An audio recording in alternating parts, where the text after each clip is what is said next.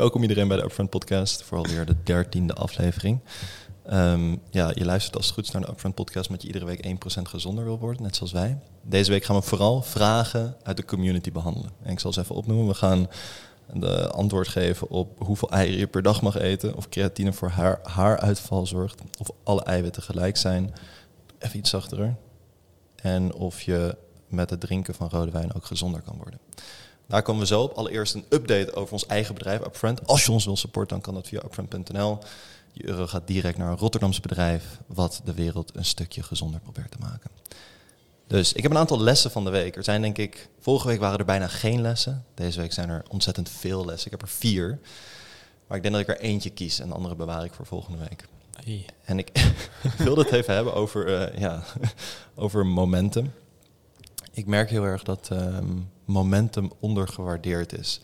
Hoe heet dat ook alweer als je een aantal goede beslissingen achter elkaar maakt en daarna een soort van flow komt? Is daar een Nederlands woord voor? Wellicht. Nou, maar jij, jij, jij, jij weet het niet. Dus het voelt een beetje als de, de groene golf met de stoplichten. Ja, precies, ja, precies. Dat is misschien wel een hele goede, goed voorbeeld, ja. Ehm, en dat, dat geldt ook heel erg in een klein bedrijf, denk ik. Je merkt af en toe, nou, je kent het wel gewoon als je eh, goed bezig bent op werk of zo. Of ehm, je zegt de juiste dingen tegen de juiste mensen. En op een gegeven Ja. moment kom je in een soort van flow en ben je super snel en hak je snel knopen door.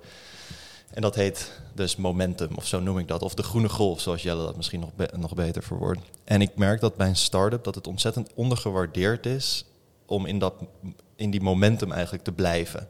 En je merkt heel erg dat, dat, dat in individuen dat dat heel erg sterk is, dat momentum. Maar in groepen is het collectief en is het nog veel sterker. En je kan het ook haast voelen op kantoor als er momentum is. En ik merk steeds meer dat dat, dat heel erg ondergewaardeerd is. Dat we veel meer moeten richt, ons moeten richten op het bewaken van dat momentum. En zorgen dat we eigenlijk gewoon door kunnen pakken en door kunnen pakken en door kunnen pakken. En, en je kan zomaar een paar weken verliezen door dat momentum ineens kwijt te zijn. Doordat iedereen ineens zit van, oh shit, lukt het wel en gaat het allemaal wel goed komen. Ja, want wat je zegt van de, dat daar te veel of dat het ondergewaardeerd is. Hoe zie je dat dan bij anderen gaan? Hoe, hoe gaan die. Zijn die er zich niet bewust van dan? Ja, ik denk, ik denk dat hier weinig over wordt nagedacht. Want ik had er zelf nooit over nagedacht tot nu toe. Maar eigenlijk, je moet het zien als een soort van grafiek die je kan plotten met gewoon ja, ups en downs. En je moet eigenlijk ervoor zorgen dat je een soort van exponentiële grafiek krijgt. Ja. En ik denk dat dat ook een start-up eigenlijk is. Dat je bouwt constant door en je maakt steeds een grotere sprong. Maar dan moet je wel zorgen dat als er een keer een tegenslag is, dat je misschien weer goed nieuws paraat hebt, wat je op hebt gespaard. Wat je weer kan delen van, hé hey, kijk, weet je wel, we hebben even een Ja. kleine tegenslag gehad, maar kijk, dit is waar we het voor doen. En dit is, weet je wel, is ook goed Ja. nieuws. En Ja, dat mens, mensen er zeg maar direct weer uitspringen. En niet te lang blijven hangen in een soort van die mindset van, ah, fuck. Ja, ik denk dat dat ook wel eh, enigszins samenhangt voor mij met, met, met gretigheid. Hmm. Momentum maakt maak je, hoe we, het ook, hoe we het ook willen noemen, het maakt je best wel gretig. Je wilt de hele tijd meer en meer en meer. Ja. Ehm, en ik denk dat je dat op twee manieren kan aanpakken. Ik denk dat je, je kan meer nemen, maar wel dat je inderdaad eh, wat, eh, wat overlaat. Ja, Dat je niet in één keer al je kruid verschiet of al je troef verspilt. ja. Ehm, ik denk dat dat wel belangrijk is. Dat je, dat je inderdaad om die, dat momentum misschien niet naar het maximale o- van nu te trekken, maar dat je, hem, dat je hem inderdaad langer vast kan houden. Ja, ja, je wil het, ja, precies. Ja. Je wil eigenlijk gewoon, je wil het zo lang mogelijk kunnen vasthouden, die wave waar je op zit.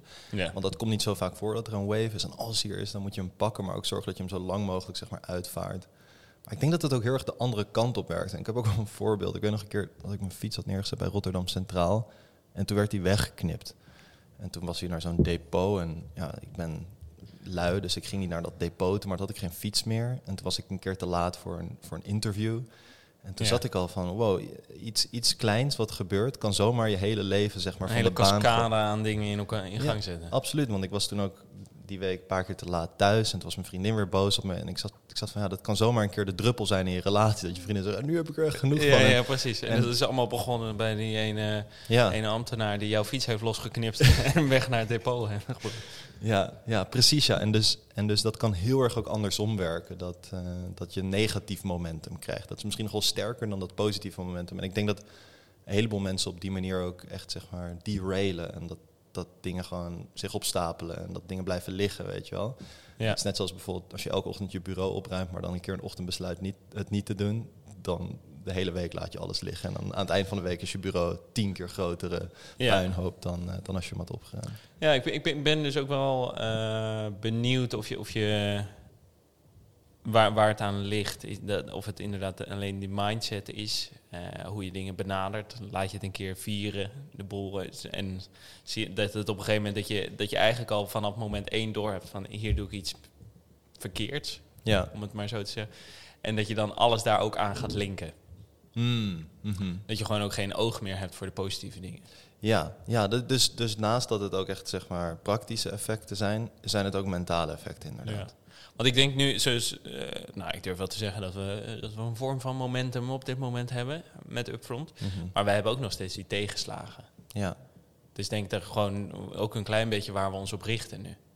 op de goede dingen. Ja, ja, ja Hmm. precies. Dat iedereen gefocust is op, die, op de positieve kanten die we behalen, de doelen die we stellen en dan vervolgens behalen. Ja, Maar er gebeuren ook dingen die tegenvallen.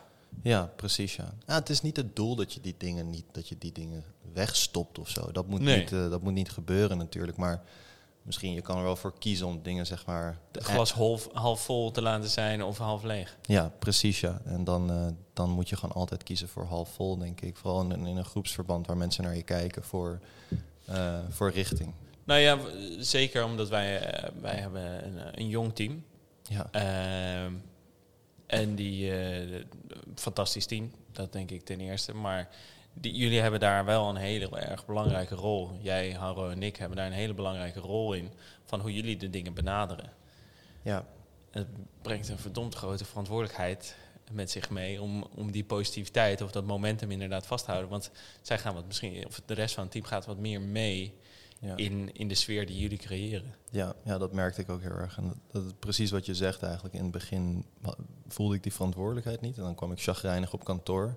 En dan op een gegeven moment merkte ik van, oh ja, fuck, dit slaat echt heel snel over naar de rest. En dan Ja. slaat het over naar nog meer. En dan op een gegeven moment is iedereen chagrijnig. En dan krijgt niemand meer veel gedaan. En dus En dan word je Dus, nog chagrijniger. word je nog chagrijniger van en, en daar gaan we. Dus eh, ja. Ja, nou, dat was de les van de week eigenlijk. En eh, volgende week gaan we het hebben over mensen en over doelen stellen. Ja, nou, ik, ik ben nog wel eh, benieuwd naar één ding. Is, ehm, want we, we hebben er een beetje nu een korte discussie over gehad. Ja. Over dat moment. Maar hoe gaan wij nou zorgen dat we het wel vasthouden? Ja, dat is een goede vraag. We gaan, we gaan natuurlijk de zomer in. En eh, bijvoorbeeld één, ik heb een aantal manieren nu waarop ik het doe. Ten eerste plan ik nu mensen die aangenomen worden ver vooruit. Dus eigenlijk, ehm, we weten al de komende twee, drie mensen die bij het team gaan komen, die zijn al getekend. Maar die komen de komende maanden er nog bij. En ik denk dat dat gewoon goed is om dat al ver van tevoren af te spreken met iemand, zodat je dan eh, mensen ergens om naar uit te kijken en ze weten van oké, dat komt eraan. Verder, productintroducties probeer ik te verspreiden. Dus ik doe geen weken van dikke launches meer. Ik doe gewoon één kleine productintroductie per week. Of smaakintroductie. En zo vers- verspreiden we het een beetje. Dus dat zijn twee manieren waarop ik dit nu een beetje probeer te overbruggen. Want de zomer is natuurlijk een wat stillere periode. En dan Mhm. moeten we juist zorgen eigenlijk dat we dan doorpakken. En door rollen goed te verdelen, door het zwaarste werk zelf te doen, denk ik. Zodat de rest zich kan focussen op groeien en op, op het leukere werk. En eh, ja, dat soort dingen. Ja. Heb jij nog ideeën voor hoe we dit... Ehm, nou ja, ik, dat, dat, dat stukje van het zwaarste werk doen, ik denk dat dat eh, misschien overdreven is om dat helemaal te doen. Eh, Mhm. maar wel laten zien van dat je er niet vies van bent om ook eh, een soort van de, de rotklusjes op te lossen. Ja, dat is, Eh, eh, ja, jij, jij doet dat heel erg goed. Dus eh, complimenten daarvoor ook. Want eh, ik denk dat dat wel iets is waar ook het team naar kijkt. Van oké, er zijn dingen waarvan iedereen weet dat ze moeten gebeuren, maar niet, niet, niemand springt er direct op. ja. Eh, als je een paar mensen hebt die gewoon zeggen van ja, dat doe ik wel. Ga jij maar focussen op eh, ja, waar je goed in bent of jouw verantwoordelijkheid. Dan haalt dat ook een beetje van, van, van die ja, last weg. En dat kan ook wel weer zorgen voor momentum, denk ik. Ja, dat geloof ik ook wel. Ja, je, je, wil, je wilt een soort van gemeenschappelijke verantwoordelijkheid hebben, maar ook dat iedereen zijn eigen verantwoordelijkheden, dat hij daarmee bezig kan blijven. Ja, precies ja. Ja, goeie. Ik ben, eh, ik ben heel erg benieuwd naar de zomer. ik, ik verwacht dat het helemaal goed gaat komen. Ja. Eh, omdat we, eh, we- we blijven er heel hard aan trekken en we hebben heel veel toffe ideeën. Ja. Eh, maar toch, Ja, misschien. Ja, ik ook. Ik ben ook echt benieuwd. Maar ik ben nog één ding, en dat is misschien er is ook een soort van community momentum. En dat is vooral marketing gerelateerd dan. Maar mensen volgen een merk omdat andere mensen het volgen. Je wil ergens deel van uitmaken waar een soort van excitement omheen hangt. ja. En dus dat is ook dat is nog veel gevoeliger dan in een team. Want dat hoeft maar een beetje weg te vallen. En mensen zien het en mensen zitten van, oh ja, nou, dan, als anderen niet eh, hyped over zijn, ben ik er ook niet hyped over. En we zijn En, eh, snel verveeld. En we zijn heel snel verveeld. Dus binnen marketing is dit eigenlijk de constante discussie van oké, hoe zetten we genoeg, hoe brengen we genoeg nieuwe soort van stuff waar mensen hyped om kunnen worden, eh, van kunnen worden. Ik, ik praat nu wel een beetje in abstracte termen, maar eigenlijk wat we doen is gewoon, we proberen hele grote stunts uit te denken, ver vooruit. Ja. Waarvan iedereen weer zit van, wauw, oké, dit is waarom ik upfront volg. En dat, dat proberen we strategisch zo ver vooruit mogelijk te plannen. Dus we hebben nu al voor, voor de herfst en voor de winter en voor begin volgend jaar hebben we al campagnes staan eigenlijk. Ja. En op die manier bewaak je ook dat momentum. Ja. Ja. Oké, ik eh, denk dat we doorgaan op, eh, op de vragen vanuit de community. En we hebben er deze week vier voor je. Ehm, dus laten we doorheen gaan. Even een kleine recording check. Ja, helemaal goed. Gaat bij mij nog eens in Jacco. Ah, helemaal goed. Eén vraag die we ontzettend veel krijgen is: hoe zit het nou met eieren en cholesterol? Ik, eh, mijn vader zei ook: eh, je moet niet, niet meer dan twee eieren per week eten. Meer Mhm. kan je echt eh, niet doen. Dus ik ben daarmee opgegroeid. Ik heb heel weinig eieren gegeten. Ik eet nu, denk ik, gemiddeld wel twee eieren per dag. Wat is nou, hoeveel eieren kan je nou per dag veilig eten? Eerlijk is eerlijk. Het, het echte antwoord is geen idee. Ehm, want het voedingscentrum zegt bijvoorbeeld... Je, je moet twee tot drie eieren per week eten. Eh, dat valt binnen een gezond dieet. Eh, en dan zeggen ze vervolgens weer... ehm, dat voor een veganist of een vegetariër mag dat meer zijn. Drie tot vier eieren per week. En dat is inderdaad gefocust op, op de cholesterol en eh, ook de, de vet, eh, de verzadigd vet kant van een ei. En je Ja. moet een beetje zo kijken naar een ei. Een ei bevat heel veel positieve kanten. Mhm. Dus de- het heeft een, een hoge eiwitconcentratie. En ook de kwaliteit van het eiwit is heel erg hoog. Mhm. Maar bevat ook veel eh, mineralen en vitamine. Ja, Eh, en, en dat is heel erg positief. En dan heb je dus die tegenhanger van het cholesterol en, eh, en die verzadigde vetten. En dat maakt het wel lastig, want je moet... Kijk, jouw vraag is eigenlijk van hoeveel eieren kan ik in een week eten? Want je, bij wijze van spreken wil je er zoveel mogelijk eten... ja. zonder dat het een negatief effect heeft. precies. Eieren zijn geweldig. Ik, ik eet er liefst zoveel mogelijk eigenlijk. Ja, Ja. maar dat ei is niet het enige wat je eet. En je kan je een beetje voorstellen waarom dat advies voor vegetariërs en veganisten anders is. Is omdat die over het algemeen minder verzadigd vet binnenkrijgen en minder cholesterol, omdat ze gewoon die dierlijke producten veel minder eten. Mhm. Voor vegetariërs minder en voor veganisten natuurlijk helemaal niet. ja.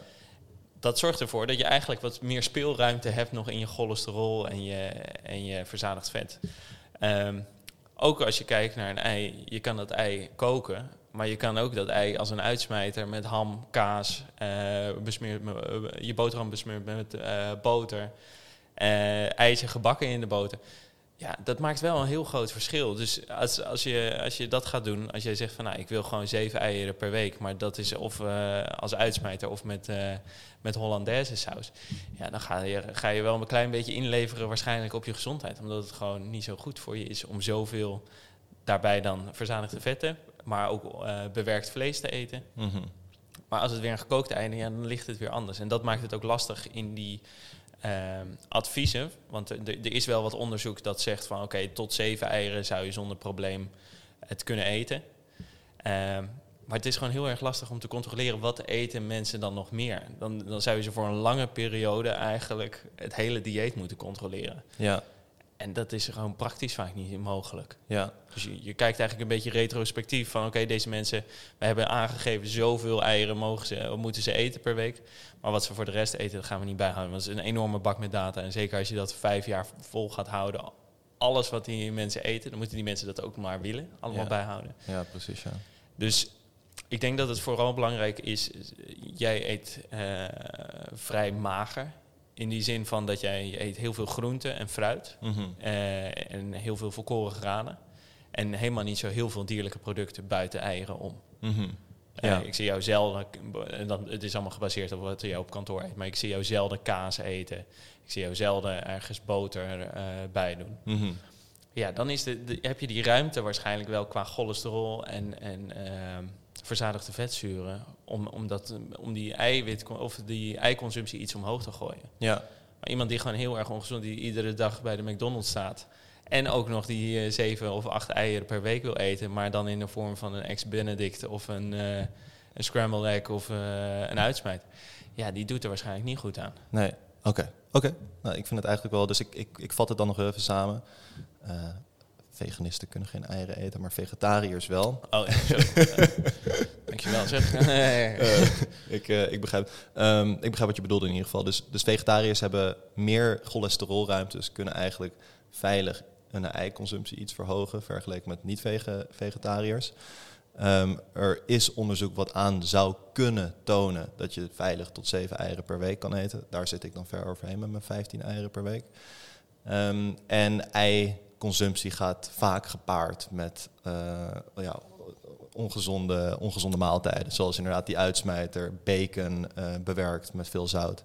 ja. Ehm, en verder is het heel erg moeilijk om, om te meten, omdat een eetpatroon uit veel meer dingen bestaat dan alleen maar eieren. Dan heb ik wel nog een vraag voor je. Is er een soort van, is er een soort van maximale hoeveelheid cholesterol die je, die je binnen kan krijgen? En, en kunnen we daar dan een soort van die eiberekening in verwerken? Of- Daar is wel een advies voor, maar ik, ik denk dat dat gewoon niet zo. eh, je, je weet niet hoeveel je er uiteindelijk van opneemt. Want het komt ook met de vezels. Zeker als je heel veel vezels eet, dan verandert dat weer hoeveel je zou binnen mogen krijgen. En het is ook heel erg eh, van erfelijkheid afhankelijk. Ja, en, en dan als allerlaatste vraag, is er een reden dat eieren... ehm, want oké, dus ja, mijn vader is echt opgegroeid met het idee van je moet echt van eieren afblijven. En volgens mij heel veel mensen uit zijn generatie. Ja. Is, is daar denk je nog een reden voor dat, dat, zo, dat eierenzorg zijn ge, ge, gedemonized, gedemoniseerd? Ja, er, er is een periode geweest dat het inderdaad werd afgeraden om überhaupt eieren te eten. Ja, een soort van cholesterolbommen werden Ja, precies. precies. Ja, en dat is nu weer anders. Ons kijken daarop is weer anders geworden.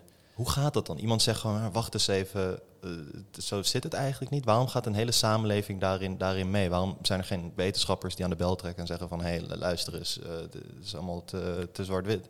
Nou ja, ik denk, A, moet je een beetje naar... Want de, de grootste communicatie gaat natuurlijk via media. Dus vroeger waren Hmm. dat kranten, tv, radio. Ehm, sommige artikelen, wetenschappelijke artikelen, zijn acht, tien pagina's lang. Hmm. Waar heel veel nuance in zit. En die je helemaal door moet lezen om, de- om precies te begrijpen. En misschien wel twee of drie keer door moet lezen om precies te begrijpen van... oké, hoe zit het nou? Hoe steekt het in elkaar? En wat zijn hun bevindingen? Ja, Ja, dat gaat iemand bij de krant niet doen. oké. dus dan wordt eigenlijk gewoon eh, uit de Die- samenvatting wordt er een eh, zinnetje genomen. Ja, misschien zelfs alleen de titel. Hmm, Oké, ja.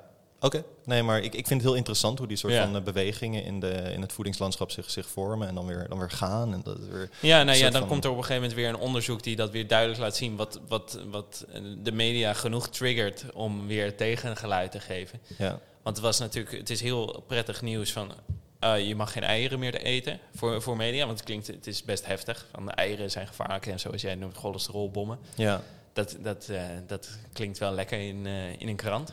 Ja. Eh, maar het is ook weer lekker, van het maakt niet uit hoeveel eieren je eet. ja, dat is nu een beetje de consensus volgens mij. Het is ook nog wel een beetje dat met dat eigeel kun je natuurlijk voorstellen dat de hele aderen dicht slipt en zo. Dus misschien dat dat ook wel bij heeft gedragen aan die cholesterolbommen image die eieren hebben gekregen. Ja, wellicht. Oké, we gaan weer door. We gaan... ehm, Zo, maar nog even, even, misschien wordt het eruit geknipt. Maar ja. wat stom hè, veganisten met eieren. ja, het is... eh, je kan niet alles hebben. Ik heb het ook best wel vaker, dat ik eh, veganisten en vegetariërs eh, in, één, in één mond neem en, en Nou ja, of dat je... in één mond neem. Laten we doorgaan zeggen? naar het volgende onderwerp, want we komen er niet beter vanaf. Nee, we gaan door, we gaan door naar creatine en haaruitval. Ehm, ja, we krijgen veel vragen. Veel, veel, vooral mensen uit de bro science wijzen naar een studie waar, die zou aanwijzen dat creatine voor haaruitval Ja. zorgt. Ehm, ik heb hier een pot creatine bij me, upfront creatine. Exciting. Is hier nou een duidelijke correlatie tussen creatine en haaruitval of kunnen we daar nog niks over zeggen? Ehm, nou, ik, ik weet wel waar, waar, welk onderzoek mensen naar refereren. Het is eh, ooit een onderzoek gedaan eh, bij rugby-spelers. Oh ja. en daar hebben ze gekeken Ze hebben niet gekeken naar haar uitval. Dat, eh, laat ik daar eerst mee beginnen. Ze hebben niet eens gekeken naar haar uitval. Dus deze studie waar iedereen naar wijst. Ja, van dat, dat, dat, dat er haaruitval ontstaat door creatine. Dat, daar hebben ze nooit naar gekeken. Da- dat duurt ook best wel een tijdje voordat al dat haar eruit is gevallen. Gewoon opmeten. Ja, precies. Alsof ze inderdaad van de voorkant zijn gaan meten en kijken wat de dichtheid was op het kruintje. Nee, dat, was, dat is niet gebeurd. Wat ze hebben gedaan is ze hebben gekeken naar de hormoonhuishouding van die mensen. Oké. Dus ze zijn gaan kijken, oké, ver- verandert er iets op het moment dat wij eh rugby-spelers op een dieet van, met creatine zetten? Dus die, die hebben zo'n loading phase gehad. Die hebben ook vervolgens gaan ze in zo'n onderhoudsfase. En da- daar kwamen ze achter dat er een, een, eh, een hormoon DHT, dat is dihydrotestosteron, als ik het goed heb. Mhm. Ehm, en dat wordt gemaakt vanuit vrij testosteron. En dat is door een enzymatische omzetting komt dat vrij. En dat wordt eigenlijk gelinkt eh, vaak weer aan haaruitval. Dus mensen met, met haaruitval hebben vaak dan weer een hogere concentratie volgens mij van de DHT. Ik weet niet zeker of het helemaal zo gaat. Oké. Maar wat ze dus hebben gemeten is dat die concentratie omhoog ging. Ehm, en dat was eigenlijk een beetje de, de conclusie die eruit kwam. Maar dat is ook de enige studie volgens mij die daar ooit naar heeft gekeken. Of waar dit uit is gekomen dat het zo omhoog ging. Mhm. En andere studies laten weer zien dat er helemaal geen veranderingen zijn in, eh, DHT en vrij testosteron. ja, in, de, in de hormoonhuishouding. Oké. En, en hoeveel creatine kregen deze rugby-spelers? En, oh, hoe... Volgens mij wel redelijk normaal. Wij- raden dan aan 3 gram eh, per dag voor tijdens de onderhoudsfase. En volgens mij hebben zij 5 gram. Oké. genomen. Wel iets meer, maar op zich valt dat allebei. de- Meestal wordt aangeraden tussen de 3 en 5 gram. Ja, ik kan me herinneren dat het iets meer was, maar... Het zou kunnen ja. dat die loading phase, dat dat misschien wel naar 25 gram per dag. Ja, en is, was dit een kwa- kwalitatief sterke studie die is opgezet? En weet je dat toevallig? Of, eh, Ik moet heel eerlijk zeggen dat ik daar niet zo, eh, nee. zo van op de hoogte ben. nee, maar er is dus één studie die aantoont dat een hormoon DHT eigenlijk ja, hoger werd na aan, eh, inname van creatine. Ja, En dat dat weer zorgt voor hoge hoeveelheid vrij testosteron. dus ja, het gaat eigenlijk van A naar B, mogelijk naar C. En voor, voor het grote publiek is het van A naar C gegaan. Aha, ja, oké. Maar de correlatie, de link, die, die, die zou er mogelijk wel kunnen Ja. zijn. En het is waarschijnlijk spelen, als je kaal wordt, dan ga je je winst waarschijnlijk niet boeken met het stoppen eh, met creatine. Hmm. Dat, zit gewoon, dat is genetisch voor het grootste gedeelte bepaald. Ja.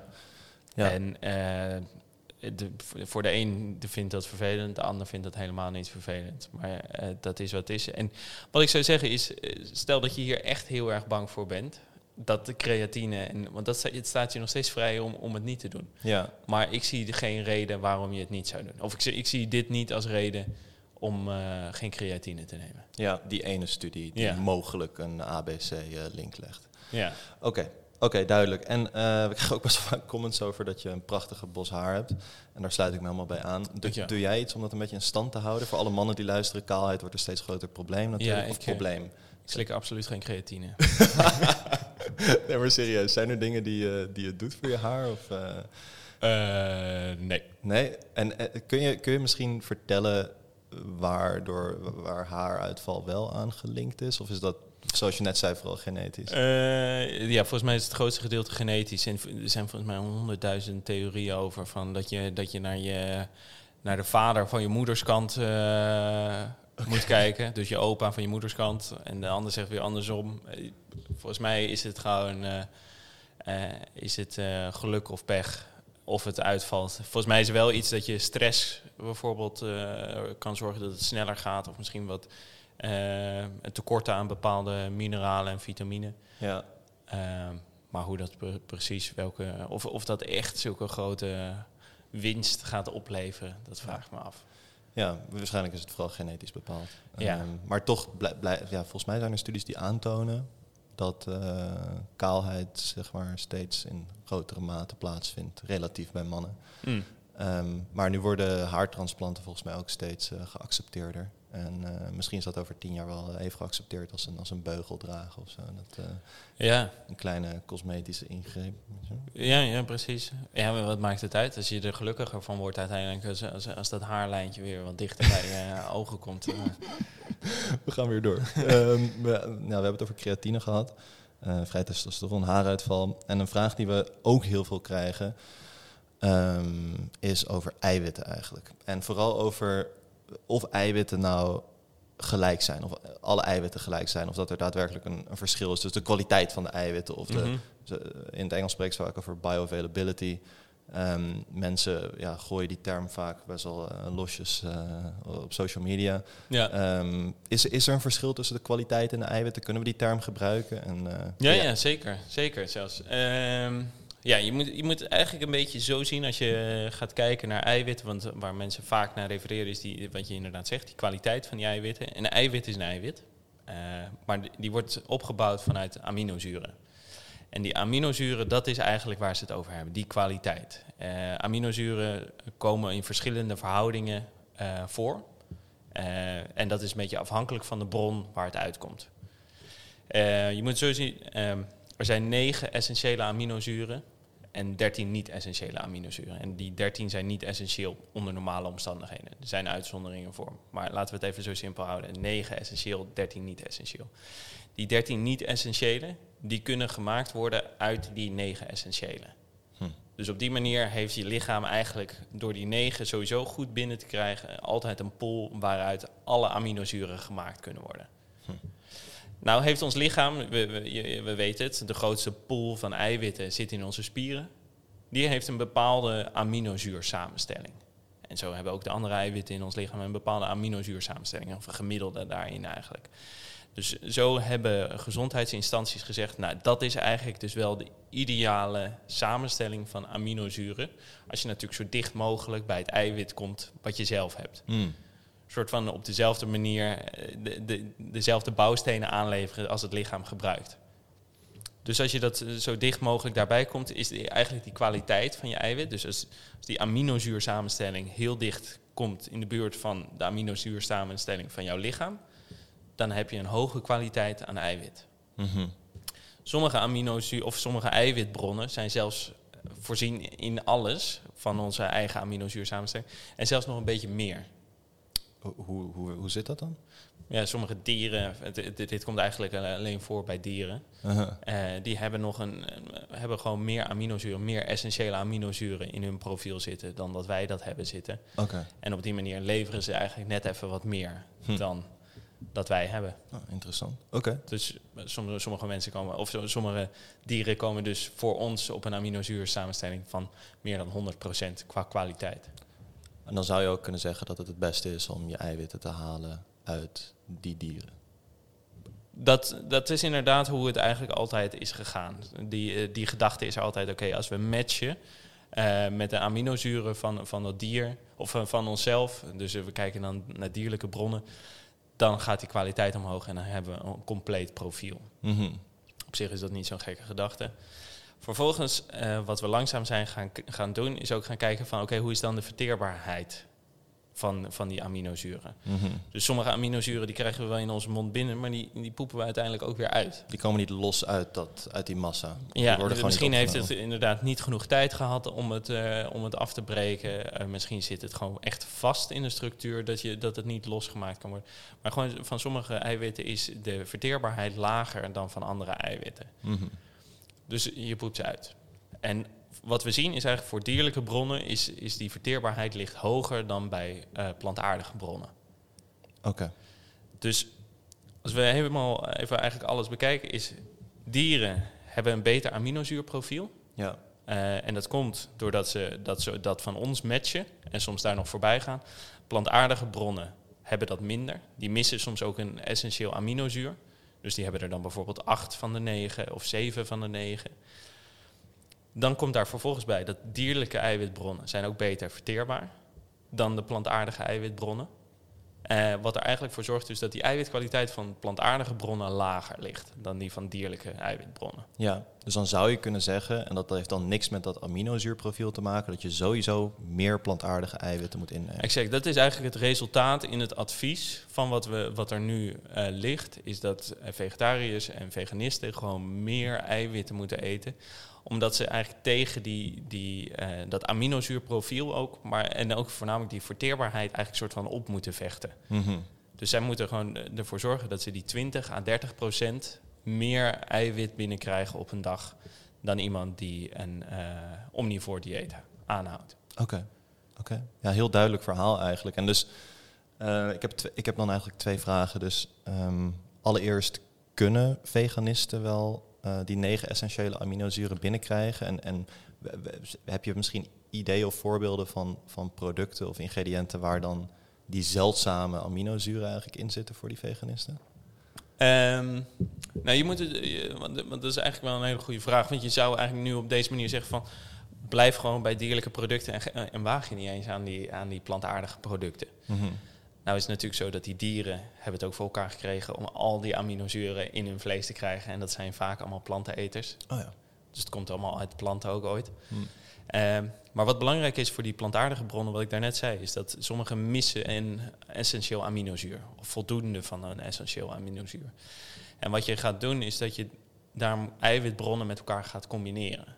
Dus je haalt een stukje eiwitten bijvoorbeeld uit je havermout. Maar je haalt ook een stukje uit linzen. Uh, misschien een stukje uit noten. Mm. Maar ja, uit wat groente, wat fruit. En zo, die combinatie, allemaal zijn ze een beetje, ja, om zo te zeggen, deficiënt in één aminozuur. Mhm. En die combinatie vult elkaar dus eigenlijk aan. Hmm. Dus plantaardige bronnen kunnen soms wel een hogere hoeveelheid van één essentieel aminozuur hebben dan bijvoorbeeld een dierlijke bron, maar missen dan weer een andere. Oké. En eigenlijk is zo'n dierlijke bron dus beter gebalanceerd, waardoor Mhm. je daar relatief minder van hoeft te eten. En plantaardige bronnen zijn wat ver- meer verdeeld, waardoor je veel, eh, veel diverser eigenlijk moet eten. Of het belang ligt daar meer bij om heel divers, eh, uit diverse bronnen je aminozuren te halen. En je moet dus iets meer eten. Ja, oké. Maar het is dus heel goed mogelijk. En daarom is het belangrijk dat verschillende eiwitbronnen met elkaar worden gecombineerd in een plantaardig dieet. Ja, dus extra belangrijk voor veganisten om gevarieerd te eten eigenlijk. Precies. Ja, oké. dus we hebben biologische beschikbaarheid en dat aminozuurprofiel. En beide zijn eigenlijk een beetje deficiënt in eh, een plantaardig dieet. Ja, die liggen iets lager dan bij, bij, bij eh, dierlijke producten, dierlijke eiwitbronnen.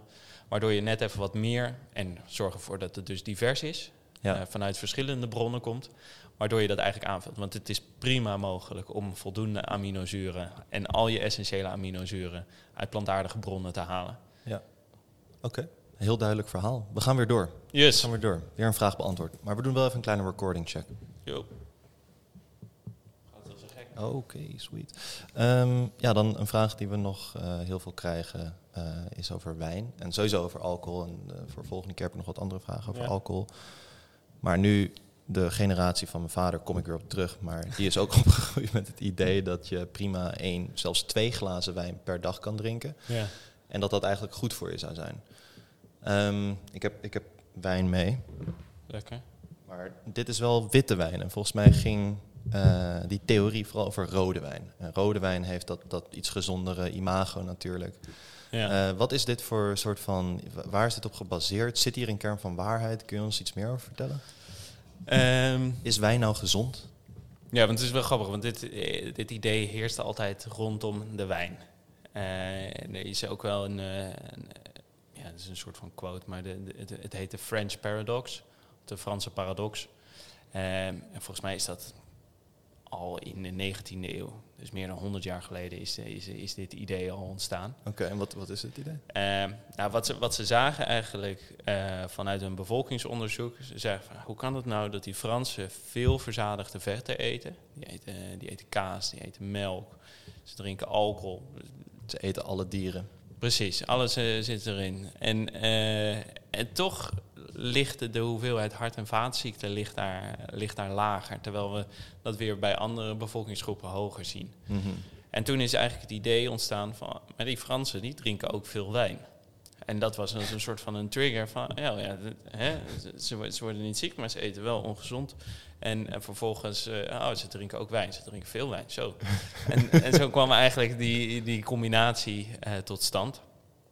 En eh, dus de paradox zit hem erin van hè, ze eten veel verzadigde vetten, maar het gebeurt niet wat we bij andere bevolkingsgroepen zien. Mhm. En toen kwam er volgens uit van waar zit dat dan in? Ehm, zit dat in de alcohol of zit dat in, ehm, in iets anders? En toen kwamen ze bij het stofje resveratrol. Oké. Eh, Sommige mensen zullen het herkennen, de naam, en de anderen niet. Maar ehm, en, eh, misschien zit het ook wel in de antioxidanten die in de wijn zitten. En vandaar is het ook de, de rode wijn die voornamelijk die aandacht heeft gekregen, omdat daar die concentraties hoger in zijn. Oké, oké. Ehm, ik heb daar wel van gehoord. Is dat hetzelfde als resveratrol? Ik hoor dat in het Engels bij van die voedingspodcast. En wat doet dat stofje dan precies? Wat, waar is dat verantwoordelijk voor?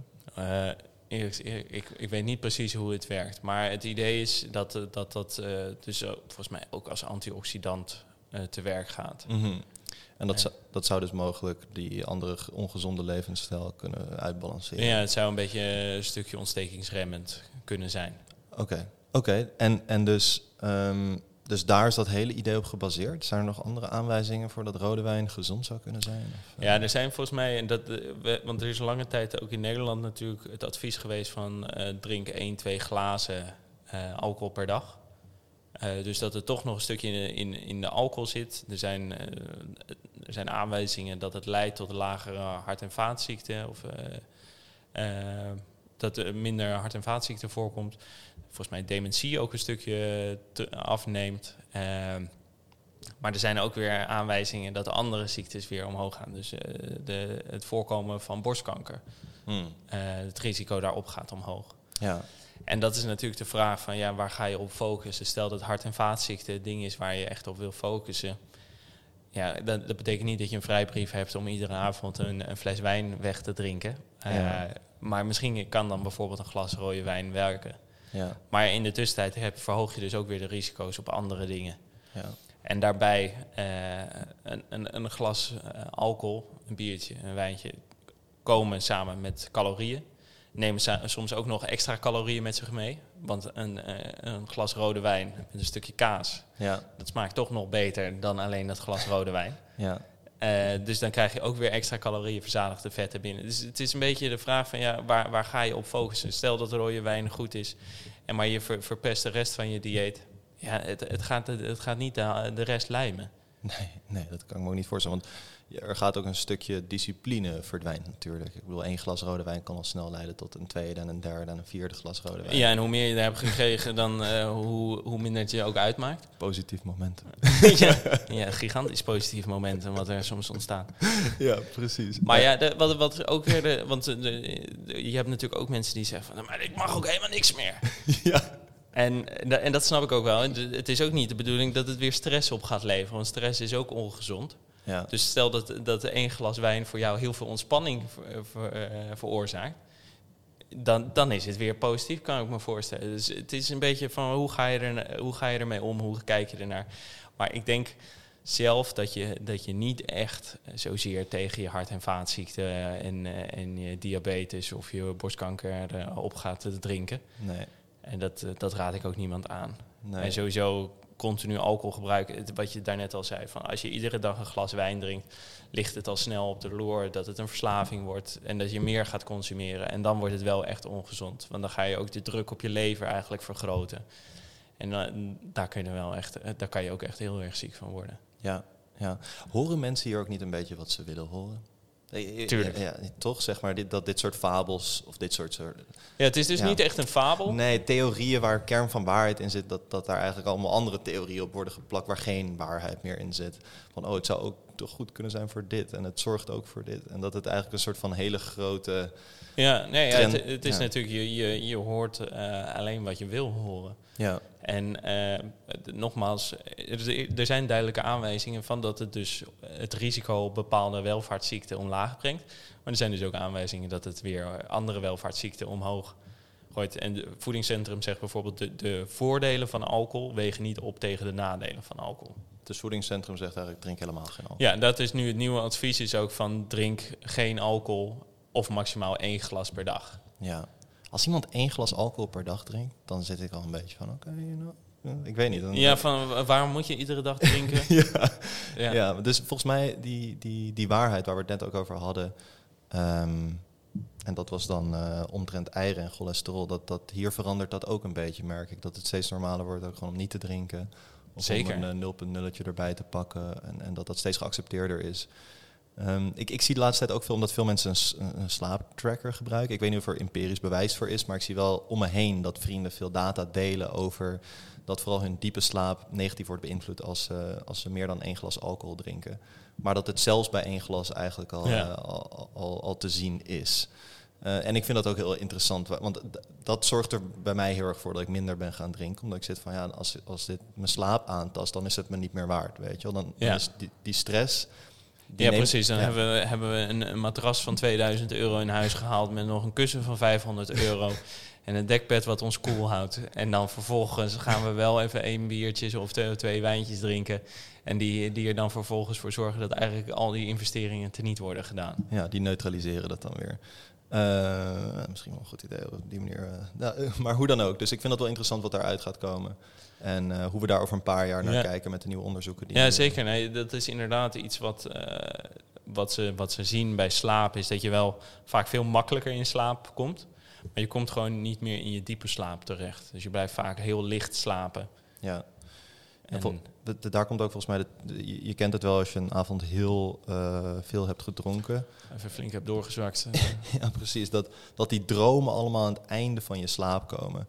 En dat heeft er dus blijkbaar mee te maken dat je die diepe slaap niet inkomt. En dat, die, dat eigenlijk dat stukje wat je normaal, wat, waar je hersenen eigenlijk door ontspannen, waardoor ze dromen, dat dat uit wordt gesteld tot, het, tot op het einde. Omdat je dan weer die diepe slaap, dat, dat je daar weer toegang tot hebt. ja. En dat daar ook delirium trams uitkomt uiteindelijk als je, als je constant dronken blijft. Dat je nooit meer in die, in die diepe slaap komt, waardoor je eigenlijk gaat hallucineren en eigenlijk gaat dagdromen. Ehm, en blijkbaar heeft, is dat daaraan gelinkt. Want je kent het wel toch, dat je heel veel hebt gedronken en dat je pas... Nee? Sorry.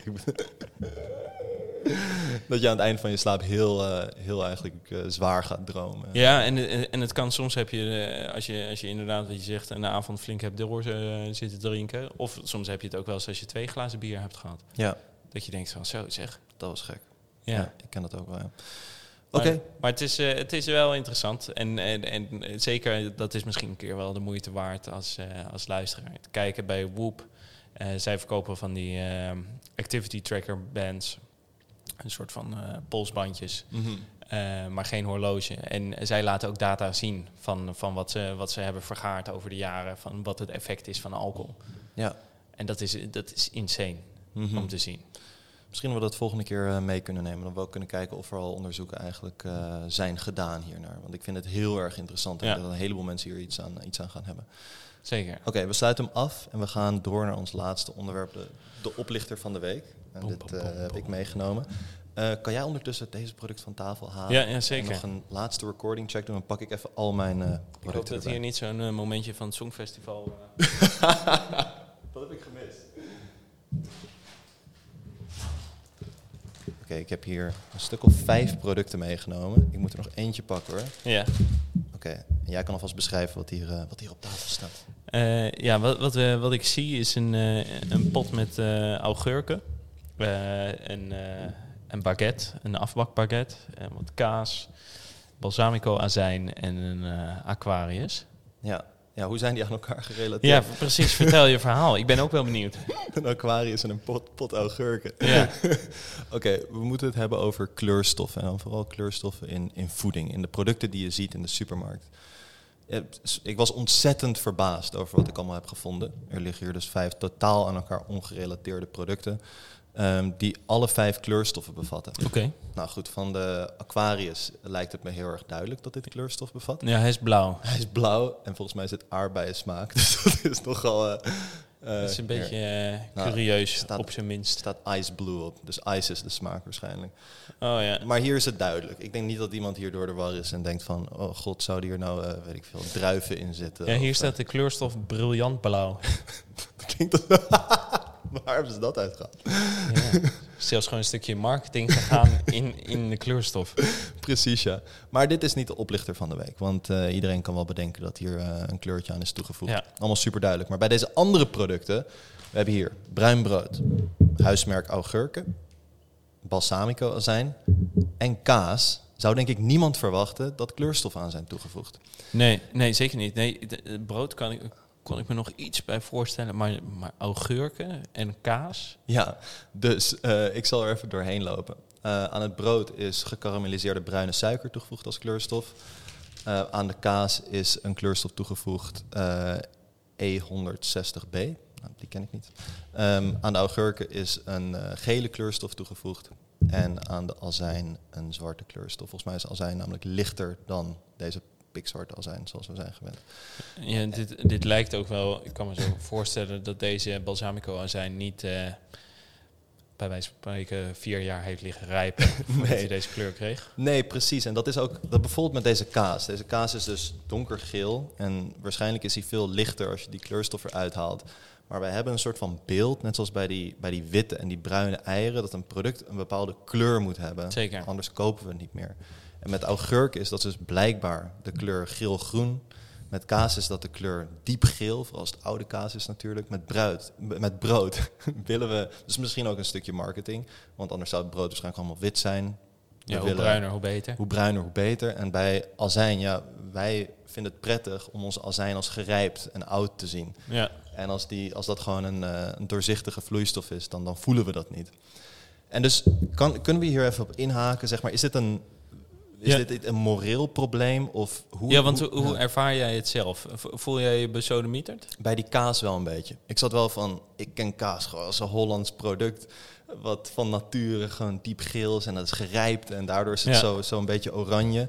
En als ik dan lees dat er een kleurstof in zit en dat die kaas waarschijnlijk eerder wit is of misschien gebroken wit. Ja. Zit ik wel van, ja oké, eh, daar voel ik me wel een beetje dubbel bij. Dus, ehm, en met die augurk had ik ook wel van, huh, waarom is dat nodig? Ik heb toch, Ja. kan toch gewoon iets minder geel. ja, maar dat is het wel het grappige. Ik, ik bak eh, mijn eigen brood.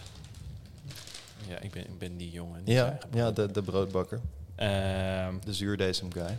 En die, eh, die is een beetje grijs. Dit, dat, dat ziet er aan de buitenkant heel erg aantrekkelijk uit, maar het kruim wat in de binnenkant zit, dat is niet zo heel erg spannend eh, om te zien. Het is niet, het is niet wit, het is, het is niet bruin. Ja. Het is een beetje grijzig. Dat komt omdat er volkoren granen worden gebruikt. Mhm. Ehm, en dit, hier heb je altijd, want dat heb ik ook altijd geleerd. eh, toen ik vroeger aan de ontbijttafel zat, van dat ik een bruine boterham eh, moest gaan eten, want die zijn gezonder. Mhm. En ehm, dit, dit vind ik, hier vind ik kleurstof bijvoorbeeld wel heel erg een, een duidelijke oplichter, een misleiding. Ja. Omdat het je, je- het doet je ehm, anders voelen. Het, het, het, het laat je beter voelen over je keuzes. Ja, je, je wordt eigenlijk letterlijk op het verkeerde been gezet. Toch? Ja. Je denkt, ik eet een gezond bruin brood, terwijl het eigenlijk gewoon een wit brood is. Ja, Oké. precies. Oké, ik vind dat wel een goeie, dat je die lijn daar een beetje trekt. Ja, want als- stel dat ik als ik kijk naar de kaas, ehm, de hele ervaring wordt er wel beter van. Dat die wat geler is. Misschien wel, ja. Een soort- van, ja, wat dat betreft is, is smaak of dingen eten is natuurlijk eh, multisensorisch. En wat ik daarmee bedoel is dat het niet alleen maar het proeven of de textuur is van, van het eten, maar het is ook hoe ziet het eruit, eh, hoe ruikt het. Die, die hele combinatie van, van het gebruiken van je sensoren Mhm. is, is- zorgt ervoor dat het op een bepaalde manier, dat je het op een bepaalde manier ervaart. Zo hebben ze ooit eens eh, een, een eh, test gedaan, hebben ze witte wijn rood gemaakt en, eh, en die naast een rode wijn gezet. En die mensen die, die, die ervaarden exact hetzelfde. Hm. Dus toen kwam er eigenlijk uit van oké, het is, speelt een hele belangrijke rol, die kleur van die wijn, in hoe je, hoe je de ervaringen hebt van die wijn. Hm. Dus dan is de vraag van ja, draagt het niet ook heel erg bij aan, of het, het is niet echt de vraag, dat doet het, het draagt heel erg bij. En moeten we dat mensen afnemen? Moeten we dan zeggen dat we die kaas er minder aantrekkelijk uit moeten laten zien Ja, dan dat die eigenlijk is? ja. ja ik, vind het, eh, ik vind het eigenlijk een hele goede observatie. Dus dan zou je ook kunnen zeggen dat dit meer cultuurgerelateerd is. En misschien wat je zegt, dat het echt bijdraagt aan... Want niemand is in de veronderstelling dat kaas of azijn of eh, augurken gezond zijn. Ze liften niet mee op een bepaalde trend. Ja. Zoals volkoren bijvoorbeeld, eh, wat hier wel het geval is met dat brood. Dus ik denk dat je die lijn daar wel een beetje kan trekken. Wordt de consument echt op een verkeerd been gezet en koopt hij iets eh, in de veronderstelling dat het iets anders is? Ja, precies. Nee, ik denk dat een, voor mij is altijd een, een duidelijk voorbeeld hier ook in, en dat is even buiten de kleur, maar is als jij vanille yoghurt maakt zelf, door gewoon yoghurt en een vanillestokje met elkaar te combineren. Het smaakt hartstikke lekker. Maar het smaakt zo anders dan wanneer je vanille yoghurt koopt Hmm. in de supermarkt. Waar geen vanille wo- voor wordt gebruikt, maar, maar gewoon een combinatie van aroma's. Ma maakt dat uit dat je niet het natuurlijke product hebt. Even daar gelaten van of, of, of één nummers, dat mag iedereen voor zichzelf bepalen of het gezond is of niet. Mhm. Maar eh, maakt het uit dat dat niet de natuurlijke smaak is? Als ik wel gewoon heel erg kan genieten van die vanille yoghurt die ik in de supermarkt heb gekocht. Hmm. Ja, ik weet het eigenlijk niet. Ik denk, het, ik denk bij ja, dit voorbeeld waarschijnlijk niet. Maar misschien dat er andere producten zijn waar, het- waar het wel uit zou. Ja, precies. Het, het mag wel duidelijk worden. Zoals voor dit brood zou er eigenlijk op moeten staan... Dit brood is niet anders dan jouw witte eh, baguette. We hebben er wel wat zaden op gegooid. Daar haal je mogelijk profijt uit, maar de kleur biedt je niets. ja, dat zou wel heel upfront zijn. Ja, en kijk, voor die augurken, ja, ze zien er zo lekker eruit. Ja, dat is wel. eh, misschien dat al- als wij een kleurstof gebruiken, en op het moment gebruiken wij geen kleurstof in onze producten. Maar ik kan me ook wel voorstellen dat we een keer denken van oké, dit, dit ziet er wel heel anders uit dan wat mensen zijn gewend. Ja. Maar dat we het tenminste voor op de verpakking zetten. Hier is een kleurtje aan toegevoegd, eh, zodat het er iets leuker uitziet. eh, en, eh, ja. Nou ja, ik, dit, dit moeten we maar kijken. Maar we hebben dat ooit gehad. Met, Eh, eh, we hebben het er toen ook opgezet. We hebben, en die is inmiddels uit ons assortiment, ehm, de aardbei VPP. Mhm. Dus onze, onze veganistische eiwitpoeder met de smaak aardbeien. Daar hebben we toen rode bietenpoeder aan toegevoegd. En rode bietenpoeder voegt eh, helemaal niets toe qua smaak. Want je hoeft ook maar een beetje toe te voegen. Maar het voegt wel een hele hoop toe qua kleur. Ja, Het zorgt er gewoon voor dat het eigenlijk veel roder wordt. Ja. En, en dat kon dat aardbei-gedeelte niet. Maar dat bietenpoeder kon dat wel. Dus we hebben een kleurstof toegevoegd voor de hele sensatie van die VPP. En daar stond het er wel groot op. Want er moet namelijk ook op staan. Het is ook een kleurstof en daarachter wat het ingrediënt is. ja. Maar eh, ja, de hele ervaring, je, verwacht het ook. Je verwacht ook als je een aardbei shake hebt, ook bij de, bij de McDonald's bijvoorbeeld, een milkshake. Ja, dan verwacht je ook dat je aardbeien shake eh, roze is en dat je bananenshake een beetje geel is. ja.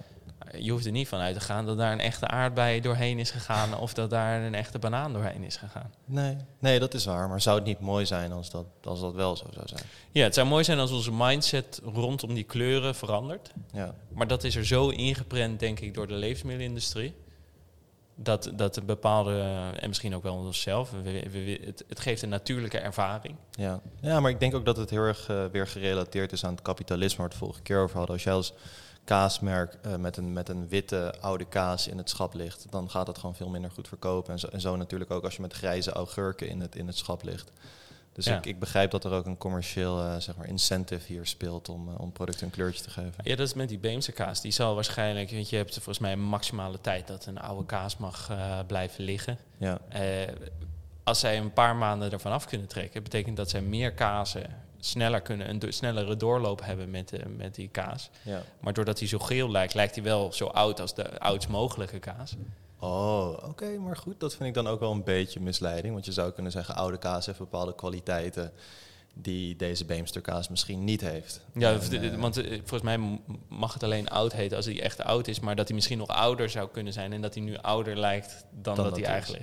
Ja, oké. Ik vind het een, eh, het wordt haast een soort van eh, filosofische discussie over... eh, Het is gewoon heel erg interessant en ik denk wel dat, en daar sta ik nog steeds achter, is dat het een keuze is die moet liggen bij de consument. En dat, dat is nu met de verpakking, zo, zo, nou, oud ben ik niet, maar ik heb er al, ik moet echt goed kijken Ja. voordat ik zie van wat erin zit. Mhm. En dat is natuurlijk verkeerd. Want zo maak je het niet makkelijker om die keuze bij de consument te leggen. ja. Iemand zou direct moeten kunnen zien, Precies. hier is een kleurtje aan toegevoegd. Ja. Ben ik En, en wat je zegt, bij Aquarius is het heel duidelijk dat er een kleurtje aan toegevoegd is.